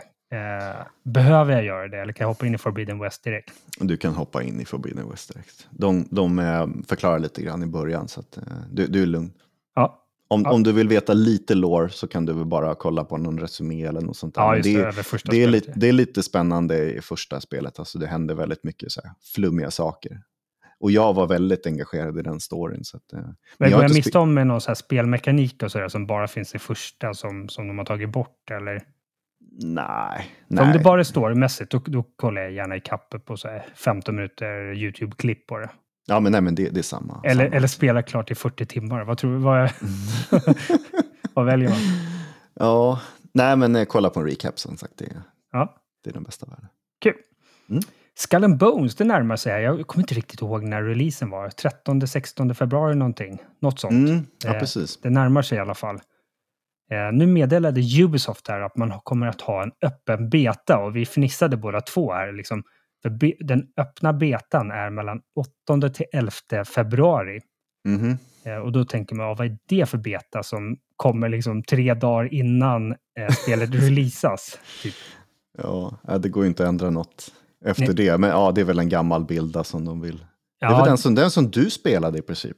När Ja, det var mig closed beta. Så att det, du får inget nytt om man säger så. Ja, alltså det jag tänker att det här testet gör, då, dels tror jag det är någon marknadsföringsknep, definitivt. Är så här, kom in och spela det här gratis. Eh, Mm. De har ju varit ganska duktiga på det här med, med The Crew tre, var, eller Crew Motorfest. Ja, det var väl ett antal timmar att testa på innan du ja, blev låst ut, om man säger. Du fick testa det gratis. Ja, men exakt. Mm. Så det här kanske är någon, någon variant på det då. Men sen är det nog mestadels att bara testa så servrar och så håller mm. för, för alla spelare. Då. Titta man... lite på, har du tittat på endgame eh, content om man säger, de har visat upp lite grann. Och det är ganska mycket inbakat som man inte visste om och sådär. En, en live service gameplay loop eh, på alla sätt och vis. ja, men det har, alltså om det görs snyggt, då har jag inga problem med det riktigt. Eh, ja. Det är väl mer att det får inte vara för, för tydligt på något sätt. Det är väl det Suicide Squad som vi ska prata om lite här alldeles strax. Då. Det är väl det de beskylldes för. Att det, det, att det, det är ju nästan gjort för att vara en plattform för att mm. bygga mikrotransaktioner och season passes och, och så kring liksom det är mer ett alibi på något sätt. Men om spelet är tillräckligt bra, eh, mm. jag brukar tänka lite osökt på Day och Warframe. Eh, jag vet ju hur otroligt, eh, får jag säga snål, ekonomisk av det kanske man ska säga. Jag vet hur ekonomisk du är och att du drar dig till ett sånt spel som Warframe som, mm. som ja men, det, det är free to play. Eh, sen om du vill betala. Och där är det så tydligt att där är spelet så pass bra att det tilltalar dig. Du känner inte av den där stressen om jag förstår det rätt. Nu kanske jag lägger orden i munnen på det. Men... Nej, om man ska förklara så är det ju bara att du kan köpa dig tid. Alltså du kan köpa dig så att, så att saker och ting ska liksom typ byggas eller forskas eller vad som helst. Så om du grindar spelet tillräckligt länge så får du ändå samma resultat som att om du lägger pengar på att få det här klart fortare. Men du ja. måste ändå spela spelet, men det är de här väntetiderna när du går in i om man säger, maskinen för att bygga saker. Det är den du kan liksom ja, snabba på. Ah, Visst, okay. du kan köpa dig resurser på olika sätt och vis, men I är väl, alltså. ja, det är väldigt mycket ändå tids, pay, pay to tidskonsumeringen. Alltså det är den som är den stora fällan där. Så att vill du trycka på saker så blir det klart direkt, som det är i mobilspel mycket, men där äh, finns det en helt annan aspekt. Men tiden är den man köper för det mesta i Warframe, tycker jag i alla fall. Ja. Och det tycker jag är bra, för då kan man grinda och få likadant resultat i alla fall. Ja, men lite så jag tänker med Skull and Bones, liksom. det, det är ju fullprisspel. Det kommer mm. kosta 6, 7, 800 spänn beroende på upplaga och vart du köper det ifrån. Mm är det liksom en, en, rolig spelvärld, det är en kul mekanik, du har en, en, en bra story och du, ja, men ett gameplay som är, som är allmänt kul. Liksom. Mm. Eh, och säg att ja, du spelar på 30-40 timmar. Och mm. om du känner det någonstans att ja, men jag vill ha mer, jag gillar det här. Eh, och jag menar, ett piratspel, det säger sig självt. Det är bara att kolla på Sea of Thieves och deras framgångar. Det är ganska bra miljö för att ha som en slags digital tamagotchi. Alltså, nu går jag in och så kör jag några varv runt den här ögruppen och så får vi se vad som händer. Ja. Det har jag inga problem med. Men om det bara liksom, om det, om det bara är själva essensen av spelet, att starta det och så från dag ett då liksom, och sen ja, får vi se. Eh, slänger vi in lite lullull här och där och gärna med form av season pass och sådär. Mm. Ja, då, då, skulle jag tycka det var, var eh, sämre. Men av det jag såg på den, den stängda betan så jag gillar det. Jag tyckte det såg väldigt spännande ut. Toppen. toppen. Man släppte ju också en roadmap här nu för, för det första året. Mm. Eh, och eh, man sa fyra säsonger då, så det är ju en i kvartalet då. Mm. Jag kommer inte ihåg exakt allting, men man skulle lägga till lite olika uppdrag. Och jag såg att min, min son, han spelar ju ja, en massa olika spel och han, hans favoritmonster, eller ett av dem, som han nämner väldigt ofta, det är ju det här jag tror att det är fiktivt. Jag vet inte om det har funnits en sån. Eh, Megalodon, heter det så? En sån jättehaj? Exakt. Alltså ah. tänk dig en tigerhaj fast gånger 50 liksom. Ja, just det. Ja, nej, men det, det är spännande med så monster, om man säger mytologiska creatures som, som står i det här spelet. Det finns väl Kraken och alla möjliga sådana där ja, exakt. Man säger, legender inom eh, piratspel och sjö, sjö, ja. sjörövarspel, om man säger. Ja. Uh, ja, nej, men det, det, ser jättekul ut, alltså, just det man ser att de lägger till också. Så, så, så tokigt kanske det inte blir i slutändan, man vet inte. Vi har ju tippat på antagligen pest eller vad kan det vara för någonting. Nej, ja. men det, det, ser positivare ut än vad vi, vad vi trodde från början om man säger så. Det, det, är lite kul med det här ryktet också att de håller på att göra en remake på Black Flag-spelet. Alltså de, de ser ju kanske att det behövs eh, resten av spelet. För det här är ju bara eh, båtversioner om man säger. Ja, det är exakt. bara sjörövarskeppet du åker omkring med. Men resten då? Det är det som Ja, du kan vill springa också. runt i staden, då blir det tredje person. Ja, men det är ju bara där liksom. Ja, det är inget så här klättra runt och assassinata och liksom sånt där. Utan Nej. då kommer du tillbaka till det här. Vi kanske behöver Black Flag på samma sätt tillbaka, om man säger också. Eh, Kanske involvera Black Flag i Skull Bones. Det kanske blir så en plattform där de har båda spelen som man kan här, switcha mellan. Exakt, för det jag inte gillade med Black Flag, det var att jag var tvungen att hoppa av båten ibland och springa runt och parkoura inne i djungeln. Det är, här, det är det bästa med spelet. Där. Vi visar liksom fingret till det. Um, ja, ja, skitsamma. Ja, jag fick bokstavligen ett finger i ansiktet där. Det jag pillar med näsan, det var Ja, lite ja, okej. fel i... Eh, Okej. Ja, nej, det är som att svära i kyrkan. Mm. Eh, nej, det var framförallt i början av Black Flag så tyckte jag att det var lite träligt. Alltså jag var ju så taggad på att köra båt. Och sen bara, ja men nu ska du vara här och hoppa bland de här ah, träden och sådär. Jag bara, men jag vill ut till båten. Bara, nej, inte ännu, inte ännu. Det var mer det jag störde mig på kanske. Okej. Sista korta nyheten här. Doors Paradox. Eh, det är pusselspel med lugnt tempo. Eh, Mm. eh, ska jag skriva ner som beskrivning. Jag satt och kollade på det lite grann. ser väldigt eh, mysigt och behagligt ut. Typ Mm. så här, lyssna på podcastspel. Jaha, ja, ja, just det. Ja, man har glömt bort då. Har du varit inne och claima Epic-spelen? eller? Ja, jag blev lite bättre Fan, på det. jag glömmer För- bort det ibland. Precis, du sa det där. Det är ju nu, mellan den första till 8 februari, är det gratis att claima då på, på Epic. Game Store. Fan, jag var inne och tittade i mitt eh, bibliotek där. Jag tror man har så här 120-130 spel som ligger där. Fan, jag måste börja spela någonting. Har, Har du, du spel. spelat någonting på Epic? Nej. Jag liksom har aldrig installerat det och kört. Nej. Fan, det känns som en så här fantasiplattform, men ändå att man bara samlar på sig. Alltså, jag vet inte varför man inte börjar spela där. Ja, intressant. Ja, det är konstigt. Om vi ska hoppa in på veckans spelsläpp här så börjar vi med Speed Crew. Det är väl ingen så här kioskvältare kanske, men ja, som, som redaktör höll jag på att säga på den här Mm. podcasten så har jag lite makten där att slänga in spel jag tycker ser lite intressanta ut som kanske inte är något AAA-spel.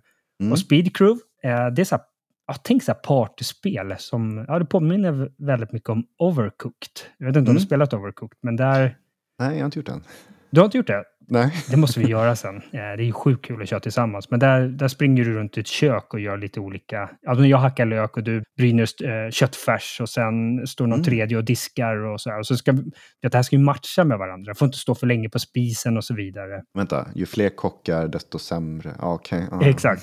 Speed Crew tar det här formatet. Eh, det är inte lika frenetiskt faktiskt som Overcooked är, eh, vad Mm. jag kan s- se. Men du tar in hela det här konceptet in i ett depåstopp. Eh, om du vet vad ett depåstopp är. Det är ju så här bilracing. Mm. Ja, Så kommer ju bilarna in och behöver eh, få lite bensin och byta hjul och sådär. Ja. Eh, så här, ja, kommer in bilar, du ska tanka, du ska byta hjul, du ska reparera dem och ja, ibland tvätta av dem också och sådär. Okej. Så ska du springa mellan de olika bilarna och försöka hinna med och försöka prioritera dem här i rätt ordning. Mm. Precis som Overcooked så kan du göra det ensam eller så kan du göra det med eh, eller mot eh, mänskliga motståndare eller medspelare. Då. Okej. Upp till fyra spelare samtidigt. Då. Det släpps den 31 januari. Den kommer till PS4, PS5, Xbox eh, One, S och X och även till PC. Då. Mm. 31 januari. Har funnits sedan sommaren till Switch redan. Så det har, vi haft någon form av exklusivitet fram till eh, nu då. Cool. Ja, det, ja, det verkar sött och gulligt som vi brukar säga. Eh, jag ser fram emot att få testa det här faktiskt. Kanske med dig framöver på en liten resa. Ja, vi ska åka iväg på en liten mini-weekend här framöver. Mm. bara sitta och gamea i, eh, i min ski resort apartment. Skippar snön och spelar istället. ja, exakt. Jag- Vi har verkligen snackat om det. Bara, vill du åka skidor? Bara, nej, nej, inte jag Nej. heller. Nej. Och så ska jag vara kompis med Kjell med. Men det är, definitivt, det kommer Mm. jag ladda Playstation 5 med där då. Mm. Och, och rycka med, med den under armen. Yes. Eh, sen har vi Persona 3 Reload. Och det här är en remake på Persona 3 som kom 2006. Mm. Jag vet inte riktigt om det är ett klassiskt här, JRPG, men det är ju, det är ju lite det stuket. Japansk rollspel över det. Ja. Eh, och det är ju som sagt ett rollspel, men de är också noga med att poängtera att det är väldigt stor portion social eller social simulation. Mm. Och jag som inte har spelat de här spelen, jag vet faktiskt inte riktigt vad det handlar om. Men jag gissar på att du ska vårda relationer och, och, och liknande. Okej, ja, ja. Jag har inte heller spelat de här spelen. Nej, du lät att, inte eh, heller lika övertygad. Nej, jag vet ju hur stort det här är egentligen inom spelvärlden så att ja. Eh, man ignorerat det på något sätt. Precis, och spelets hjälte här, det är han eller hon, jag uppfattade aldrig, jag såg något namn, jag bara, jag kan inte riktigt svara på om det är han, han eller hon, men jag har sett eh, gameplay ser ut som en han. Mm. Eh, eh man är en high school-student och man, eh, ens föräldrar har dött i en, i en olycka, då, lite tragiskt. Mm. Så man kommer hem till sin hemstad igen. Och där på ett eller annat sätt då får man lite specialkrafter och då joinar personen här en, en gruppering då som ja, har som uppdrag att jaga shadows, skuggor.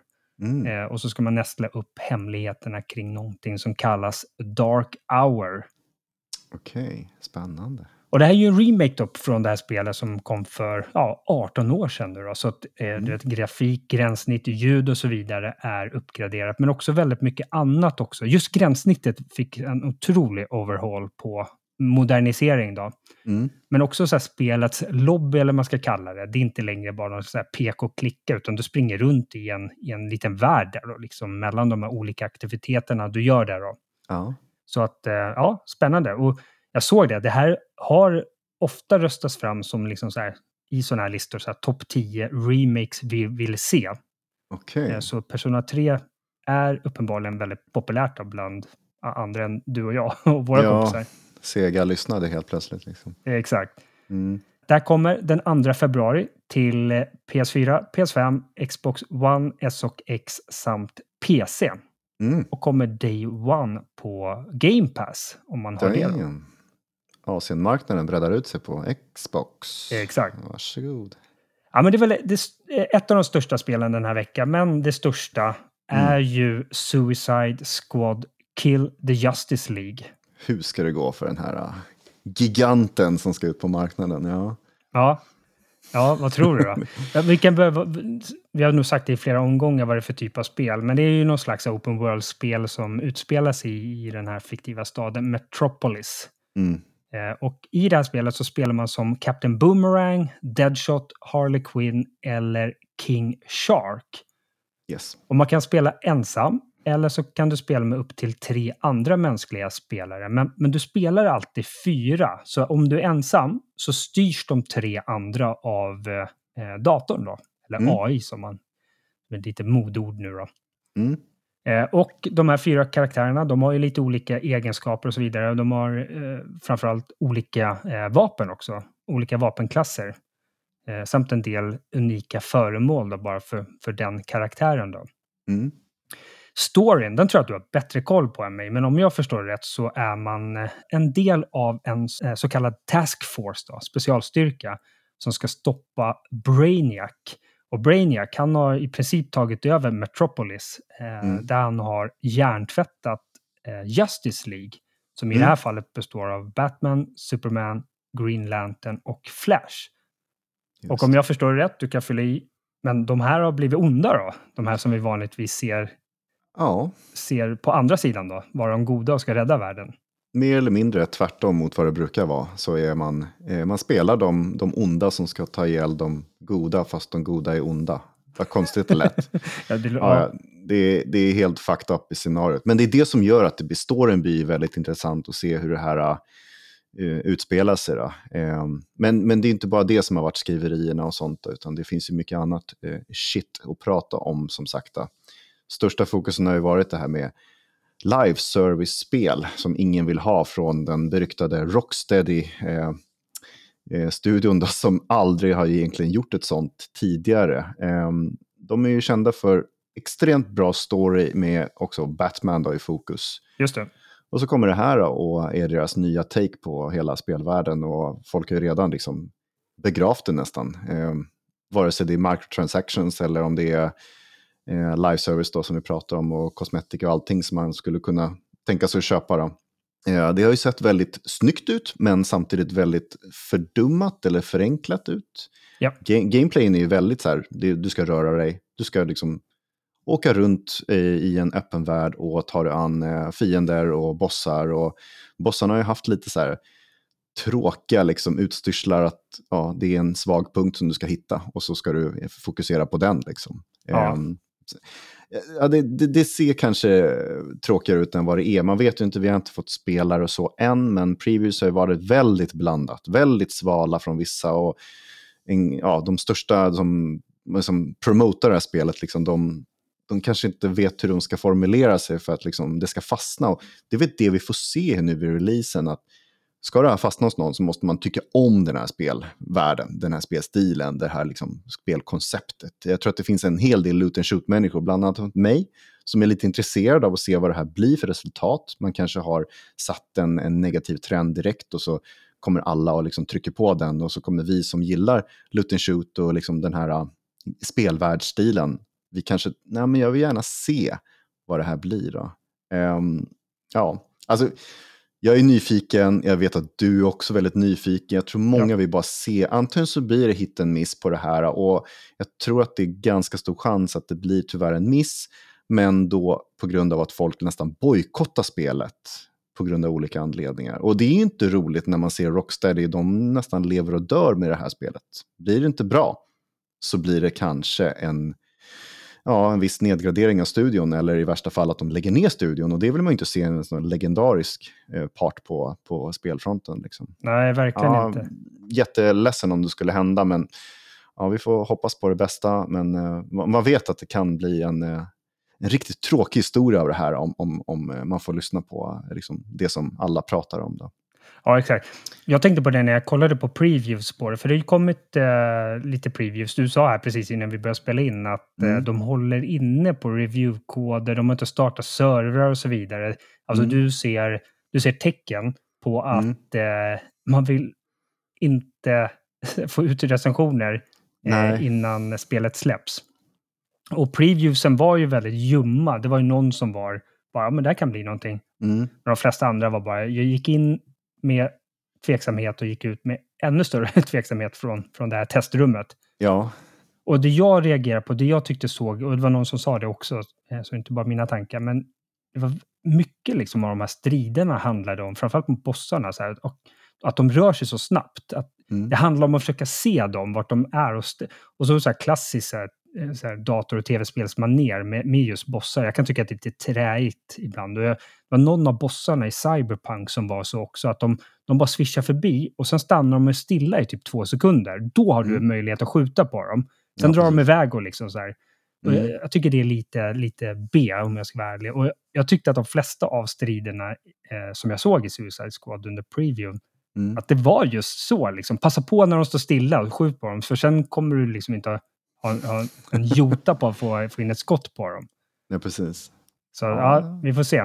Mm. Det kommer lite info här om också att eh, Jokern, eh, mm.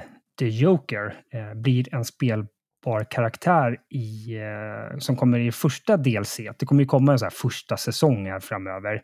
Mm. Eh, och då kommer man gratis. Eh, de brukar väl bygga upp numera. Jag vet inte riktigt hur Rocksteady gör det här, men, men många av de här som har Season Pass vi såg det bland annat i Diablo 4 eh, från Blizzard då, att man har olika nivåer. En gratis season pass, en betal och en ännu dyrare betal.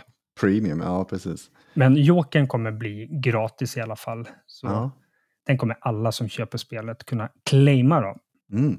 Sen tyckte jag det var lite, lite roligt, jag hade inte sett det tidigare, men eh, jag satt och kollade på spelets Wikipedia-artikel så stod det så här Game Directors. Så stod det två namn, var, varav det ena namnet stod det så här Axel Rydby.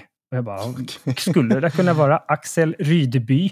Oj, oj, oj. Eh, och mycket riktigt, jag hittade hans LinkedIn-sida ganska snabbt. Eh, mm. Jävla märklig resa hade han. Han kom från CD-ON.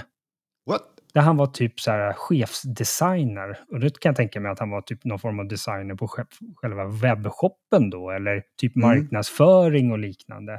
Oj då. Eh, men sen blev han head of designer eller liknande på Rocksteady efter det. Och efter det då så eh, blev han game eh, director. Fy fan, ja det var imponerande karriär. ja, verkligen. Ja, Så lite svensk eh, nationalitetskänsla får man ju över, över mm. Suicide Squad. Ja, men då måste jag köpa det. Jag går in och förhandsbokar direkt. Ja, vi måste säkra Axels karriär här på, på Rocksteady. Yes sir. Ja, hade, hade du något annat spel som jag inte hade listat här? Eh, som du nej. såg fram emot? Det var, jag tyckte det såg ganska svalt ut om jag ska vara ärlig. Alltså ärligt talat, nej. Um, jag, jag har tittat lite grann på de här uh, som kommer framöver. Det är Dragons Dogma 2. Uh, de har ju fått en lite mer preview, om man säger, på IGN. Som jag sitter och dreglar över, för sorry, men uh, det är faktiskt ett av de mest hypade spelen under kvartal ett här som jag inte kan se förbi. Nej.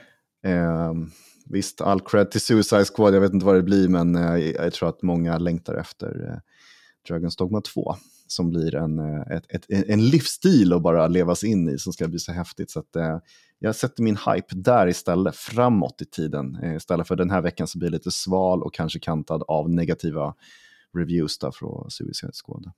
Jag såg ju att Rugby 2024 kommer. What? Det, och, och jag, jag, som är, jag är väldigt sportintresserad och, och jag gillar verkligen sportspel i mm. eh, tv-spelsformat. Det, det, det, är nästan liksom det format som blir allra bäst från verklighet till, till, till spel. Varför är det så? för? Varför jag gillar sportspel? Eller varför Nej, men varför blir det en bra liksom, överlappning från, från verklighet till spel? Det jag tror är, det är en intressant fråga, men det jag tror är nu när jag bara tänker utan alltför lång betänkelsetid, det är ju att sport imundigar jag på tv. Mm. Eller hur? Det är ju så jag ser det mesta av min sport. Sen ja, åker jag kolla på en del hockey och fotboll och, mm. eh, och bokat biljetter nu till baseballmatcher när jag ska till New York med, med min dotter. Mm. Men 95 procent av all sport jag ser, ser jag ju på tv. Vilket gör att det blir ju en ganska... Alltså jämfört med så här, eh, Battlefield, det är inte mm. så att jag sitter och tittar på kriget på tv på samma sätt. Nej, det är Som inte när jag springer runt i first person, person shooter. Liksom. Ja, precis. Nej, det är faktiskt sant att eh, sport är väldigt bra efterliknelse mot så här, verkligheten i spelen. Och att ja. det kopplas ihop väldigt bra, att man får samma liksom, eh, point of view och allting. Så att, eh, mm, ja, men exakt. Bra så att igen... grej där. Faktiskt. Ja, fan, blev jag stolt över mig själv. Ja, men tack, tack. All right. Något annat från nyhetsvärlden som, som fastnade för er som inte är insatta i vår produktion här, så vi sitter ju och skriver upp ett Google Docs vad vi ska prata om och sen kör vi ett körschema. Eh, mm. Eh, sen kommer Henke med lite överraskningar ibland från sitt block. Han är lite ja. mer analog av sig ibland. Jag var lite ja, nyfiken på om det...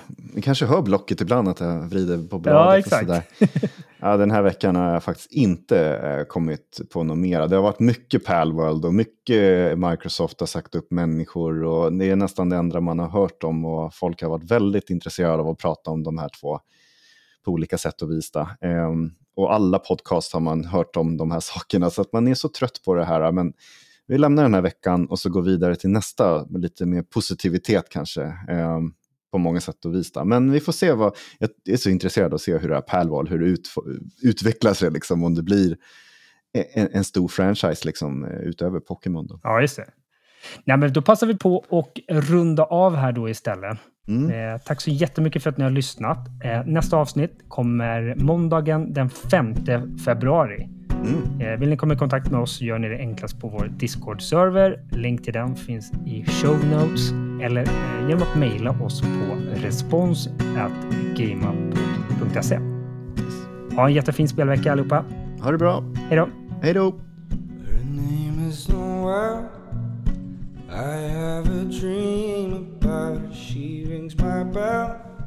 Got gym class in half an hour. Oh, how she rides. kicks and tube sides. She doesn't know who I am. Why would she give a damn about me? Cause I'm just a teenage dirtbag,